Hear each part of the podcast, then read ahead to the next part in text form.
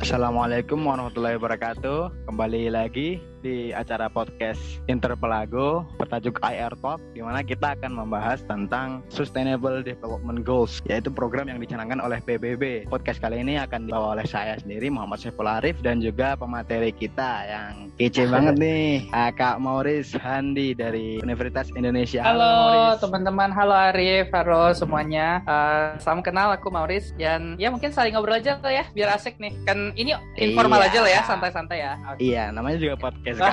Oke, sip, sip, sip. Ini tema IR Talk pada pada kali ini kita akan membahas tentang SDGs nih. Nah sebelumnya kan sebagai duta SDGs nih, tentu dong Kang Mauris lebih tahu SDGs itu apa. Ah, bisa dijelaskan kak SDGs itu apa sih? Oke, jadi sebenarnya SDGs itu bisa dibilang kayak kalau kita di kehidupan sehari-hari kan biasanya ada goals gitu ya, kayak maksudnya apa sih yang pengen kita Ah. raih ke depannya, apa sih mimpi kita ke depannya. Nah, SDGs itu secara harfiahnya ya cita-cita dari dunia kita. Jadi PBB pada tanggal 1 Januari 2015 ngebuat 17 goal yang menjadi bisa dibilang cita-cita atau mimpi lah yang kita ingin capaikan sampai 2030. Nah mungkin kalau kita pernah dengar yang namanya smart goals ya, yang itu ada time segala-segala. Nah Ah. basically uh, SDGs itu punya gitu juga. Maksudnya Oh. kita ada measure-nya, ada 17 goal, ada waktunya sampai 2030 dan lain-lainnya. nah, Oke, SDGs itu sendiri ya pas sudah aku tadi bilang ada 17 goals dan kalau secara lebih luasnya ada 247 indikator dan ada 169 target. Nah, Banyak di... banget ya.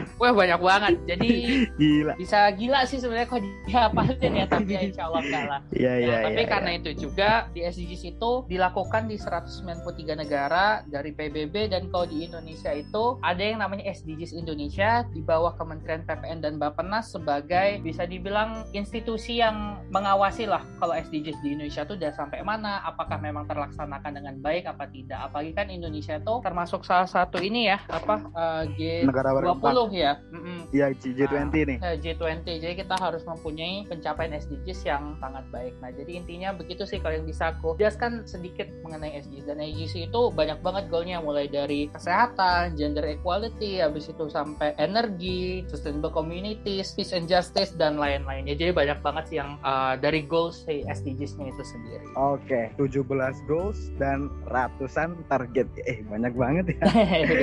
Oke, ini kalau SDGs ya, kita berbicara tentang SDGs. Ini apakah SDGs ini realistis nggak sih kak? Termasuk kan ini targetnya kalau menurut saya sendiri sih ya muluk-muluk. Hmm. Karena kita melihat kita sudut pandang kita dari uh, negara berkembang. Hmm. Uh, apakah menurut Kak Mauris nih SDGs ini akan bakal terlaksana ntar kalau di negara-negara berkembang kayak Indonesia atau bahkan lebih di negara yang lebih buruk dari kita? Oh, itu bagus banget tuh pertanyaannya. Karena kan kadang kan ini ya, kita melihat apakah negara kita bisa berkembang bersama SDGs gitu. Nah, Tapi sebenarnya iya. kalau menurut aku karena itulah SDGs itu sebenarnya sangat penting. Karena Oh. uh, kita bahas goals nomor 17 namanya itu partnership for the goals atau uh, kerjasama untuk mencapai si goalsnya ini. Jadi uh, kalau teman-teman atau misalnya Arif pernah dengar kayak Paris Agreement lah apalah itu kan biasanya mereka hanya negara-negara besar yang menjalankannya gitu ya. Tapi Iya dengan ya. SDGs ini secara eksplisit memang dibilang bahwa kalau goals ini harus dilaksanakan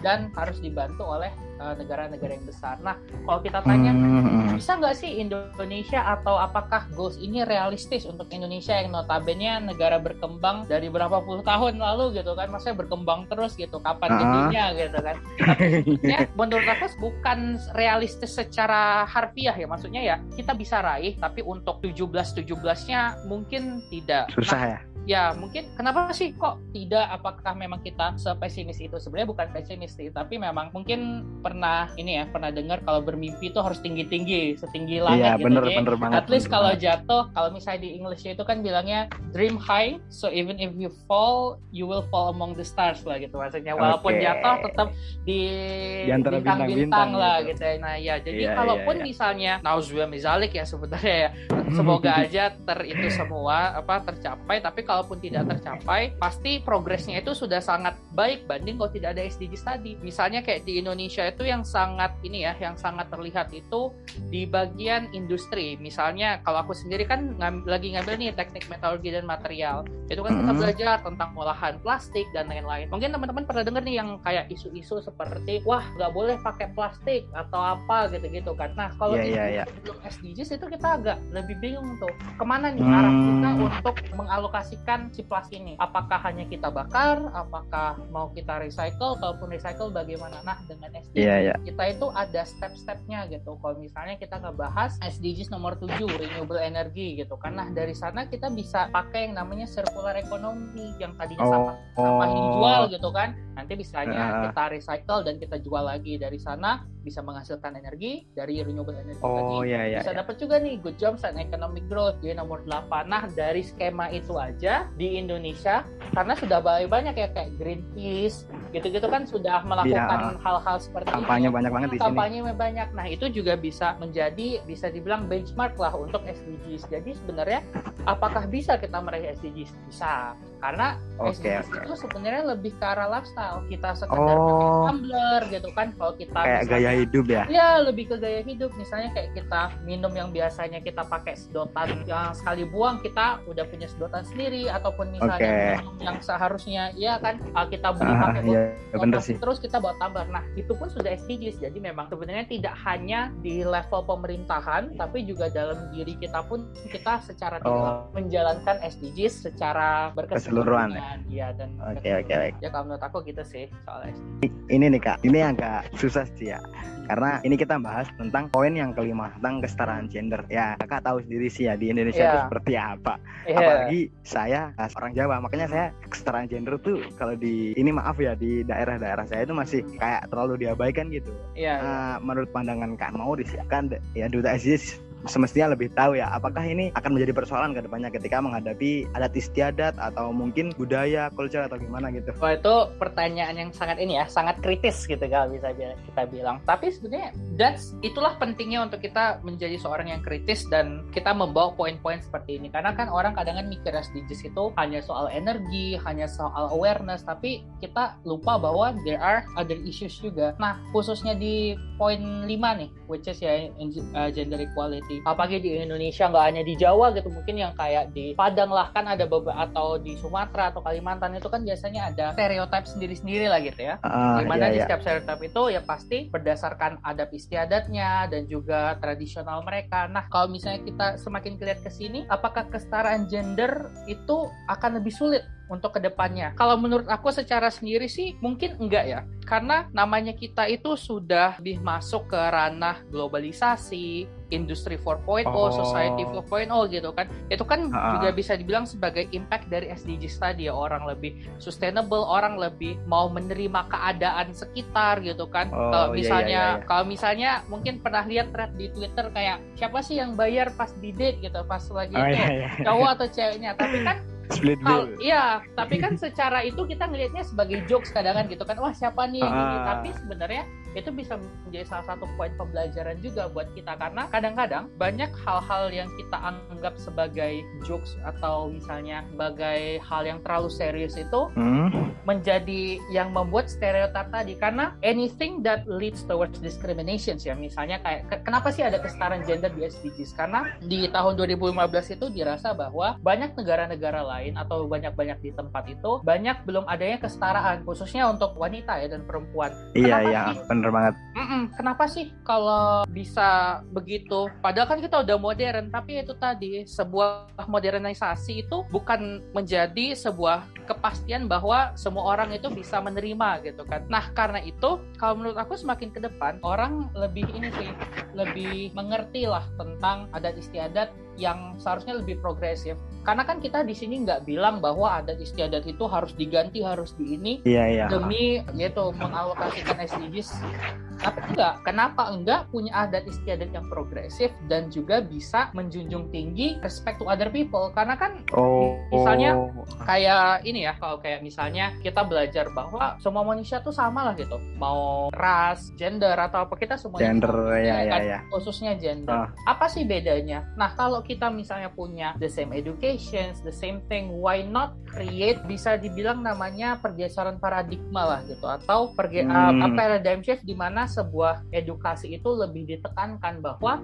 ya kita sama karena kadang dari sekedar jokes-jokes aja kayak wah women belong in the kitchen gitu atau misalnya gitu kan ah kalau perempuan hmm. masak aja mungkin bisa ketawa-ketawa gitu kan tapi sebenarnya yeah, kan yeah. hal-hal kecil inilah yang bisa membuat hal-hal besar ini sebagai biasa-biasa aja gitu kan pasti mereka oh, melihat oh, okay, okay, okay. biasa aja. Tapi dari adat istiadat itu yang sebenarnya harus mulai kita gerus lah gitu bisa bilang mulai kita kita rubah perlahan-lahan lah ya. Uh, berubah perlahan-lahan. Karena nggak bisa juga karena SDG secara frontal secara radikal kita iniin banget kita ganti gitu. Kan mm-hmm. wah jangan perempuan harus gini-gini. Karena kan itu tadi perempuan itu in general kan bukan ingin lebih atau ingin apa kan yang penting equal gitu. Sama setara juga. ya, ya uh. mereka pinginnya setara. Sama juga seperti kalau misalnya laki-laki misalnya oh. patriarki atau apa itu harus diturunkan juga mungkin pernah dengar namanya educate your sons gitu-gitu itu benar karena gender yeah. equality itu tidak hanya menaikkan perempuannya tapi juga membalance apa yang misalnya male dominated field atau apa mungkin pernah dengar kalau misalnya mau masuk kerja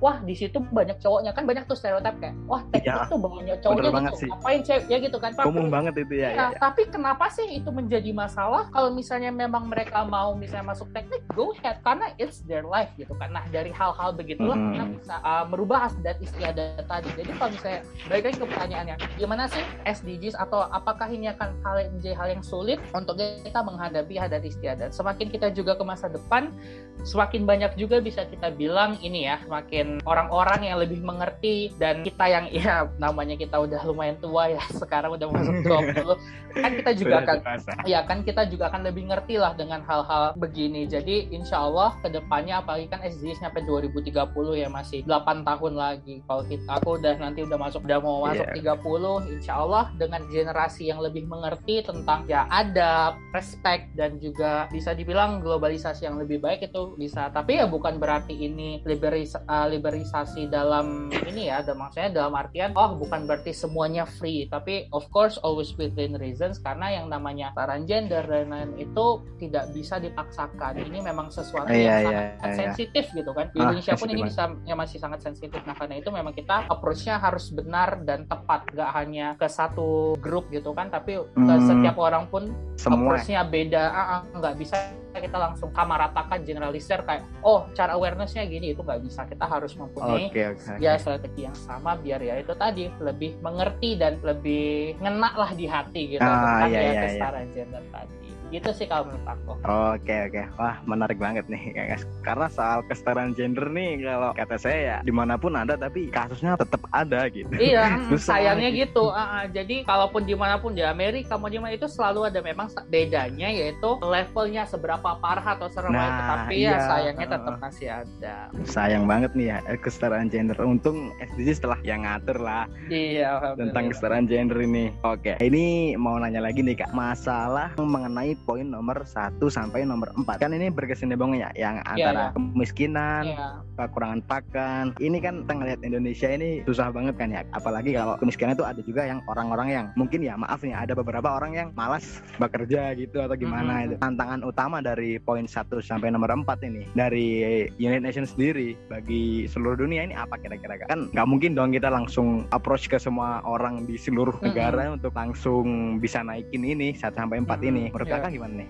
Kalau menurut aku balik-balik ke ini tadi sih, cara kita approach ke setiap orang dan ke setiap negara. Karena apa yang terjadi di Indonesia itu bisa aja nggak sama, walaupun misalnya let's say kita ngomongin oh, Malaysia gitu kan, nggak bisa. Uh. Kalau kita kalau di Indonesia itu mungkin netizennya lebih ganas gitu misalnya, atau mungkin kita lebih aktif di sosial media, ya kan. Tapi kalau misalnya di iya, iya, Malaysia yeah, yeah, yeah. dia lebih condong ke mana gitu. Sama juga kalau negara-negara Eropa, Jepang itu kan mereka lebih condongnya ke declining populations gitu ya. Kalau populasi mm. itu mereka lebih banyak. Nah, tapi apa sih hubungannya dengan satu dengan empat? Sebenarnya ya balik-balik bagaimana sih cara kita bisa memasukkan SDGs ke lifestyle kita tadi? Karena kalau oh. misalnya kita bahas yang paling iya sih, iya sih. ya yang paling inilah ya paling banyak kita bahas itu sebenarnya good health dan quality education. Apa uh, goal nomor tiga dan nomor empat. No, yeah. Kalau kesehatan gitu misalnya kayak di Indonesia orang masih banyak yang suka makan gorengan segala-segala. Nah, iya itu kan.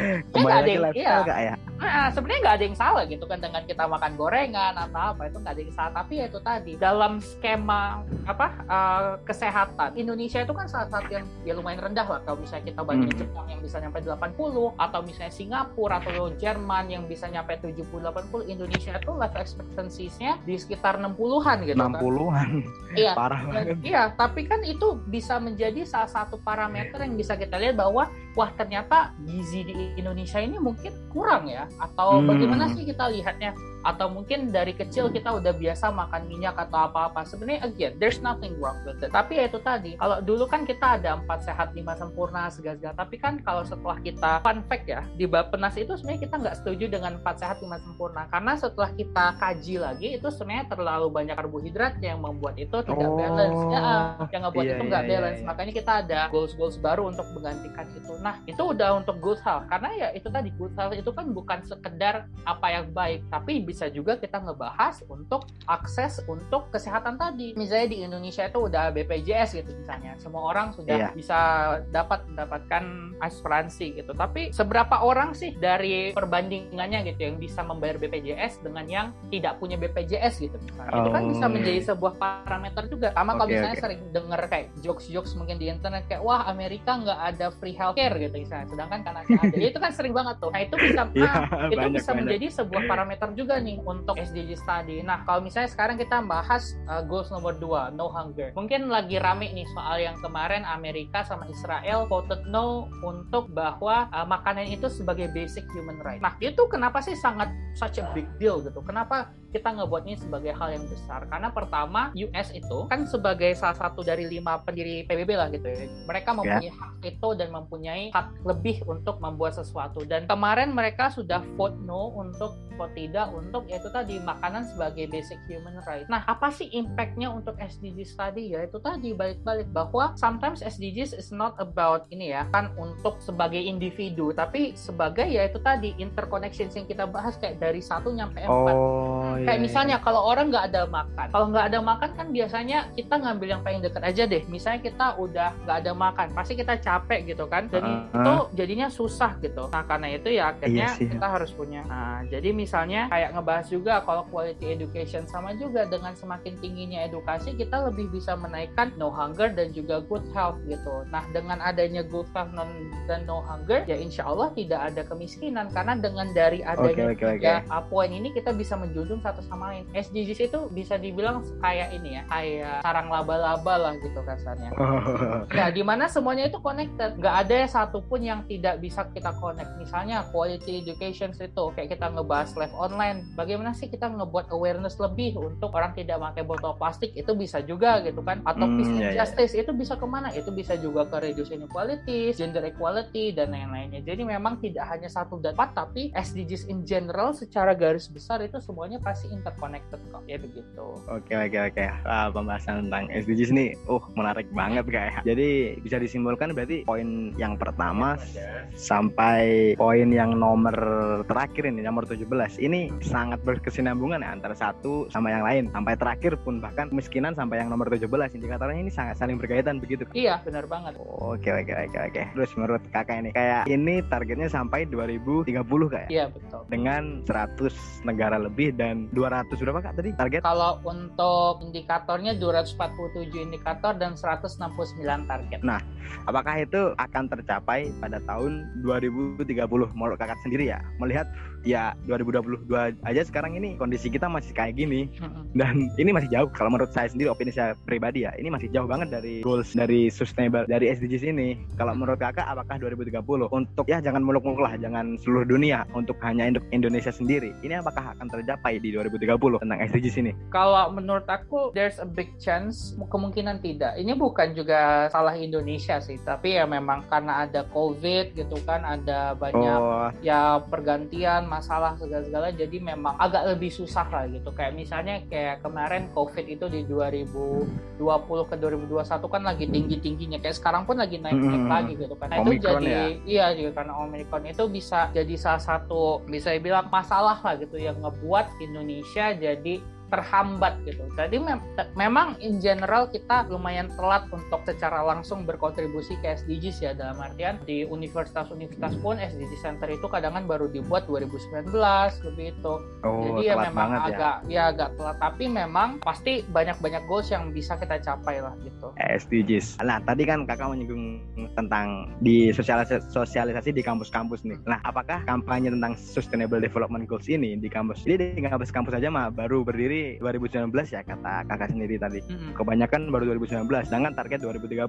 Menurut kakak apa sih tantangan untuk kampanye di SDGs ini? Itu kan kita bicara di kampus ya. Itu belum lagi di golongan akar rumput di golongan Mm-mm. orang-orang bawah gitu. Mungkin mereka ditanyain apa itu SDGs kan juga nggak tahu. Untuk solusi untuk mengkampanyekan sustainable sustainable development goals ini terutama untuk di kalangan akar rumput ini bagaimana kak? Kalau menurut aku sih sebenarnya kita mulainya dari top down approach dulu lah kasarnya memang yang dari iya iya. dari pemerintah dulu sampai ke bawah karena kan yang menjalankan yang mempunyai regulasi itu ya si pemerintah tadi kan nah kalau menurut aku sih untuk awarenessnya udah cukup tapi Oke. yang namanya mengedukasi itu kan tidak hanya awareness ya banyak aja ada kita dari bagian edukasinya ada Hmm, juga ya, ya, dari uh, apa misalnya implementasinya aplikasinya kalau misalnya awareness tapi nggak ada hasilnya kan orang juga pasti skeptis gitu kayak apa sih Iya, apa yang- sih ini gitu? Ya, nah jadi misalnya gitu. Nah untuk di grassroots sih menurut aku di universitas mungkin sudah, ya itu tadi sudah cukup, tapi belum cukup untuk Optimal, belum op- optimal. ya belum optimal dan belum efisien untuk secara langsung mengenalkan dan lebih membuat orang percaya bahwa SDGs ini penting. Banyak orang misalnya udah tahu tentang SDGs, tapi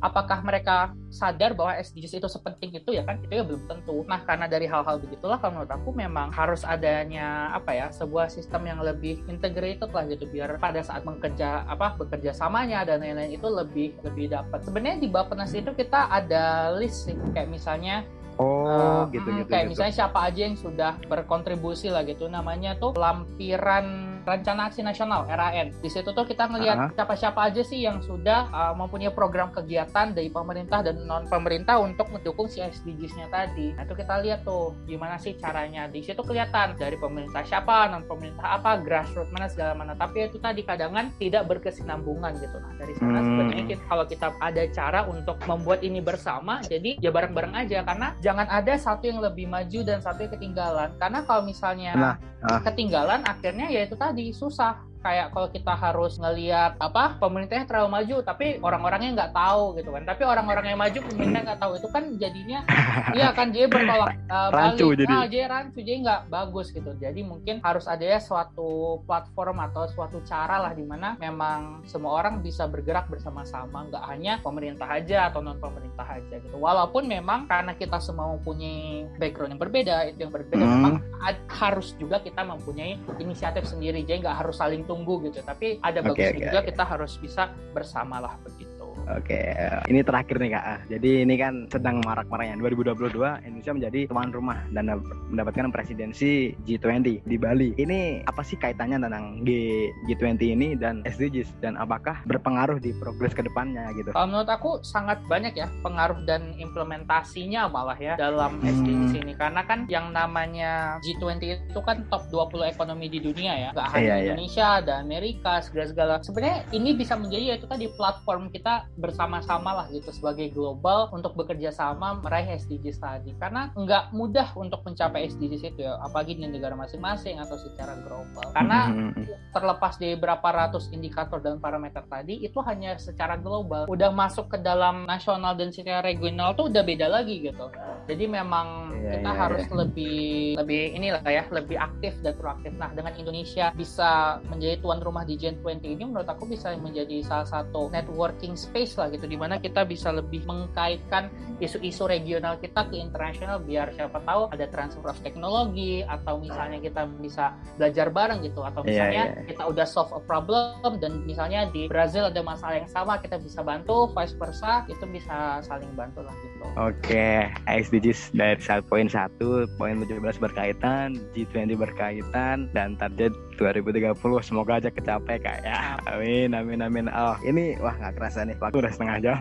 Dan oke ini langsung saya tutup kak ya. Terima kasih Kak Mauris yang telah hadir, yang telah bersedia untuk mengisi podcast IR Talk Interpelago kali ini. Saya perwakilan dari Interpelago ucapin terima kasih sebesar-besarnya Kak Morris. Kasih juga buat Ah. Oke, untuk teman-teman yang penasaran dan ingin untuk mengikuti podcast Interpelago selanjutnya, stay tune ya. Ditunggu podcast selanjutnya dari Interpelago yang tentunya akan seru Kak ya. Di kali kali ini nih. Ya, amin. SDG seru banget nih. Dan uh, saya tutup. Akhirul kalam. Wassalamualaikum warahmatullahi wabarakatuh. Waalaikumsalam warahmatullahi wabarakatuh.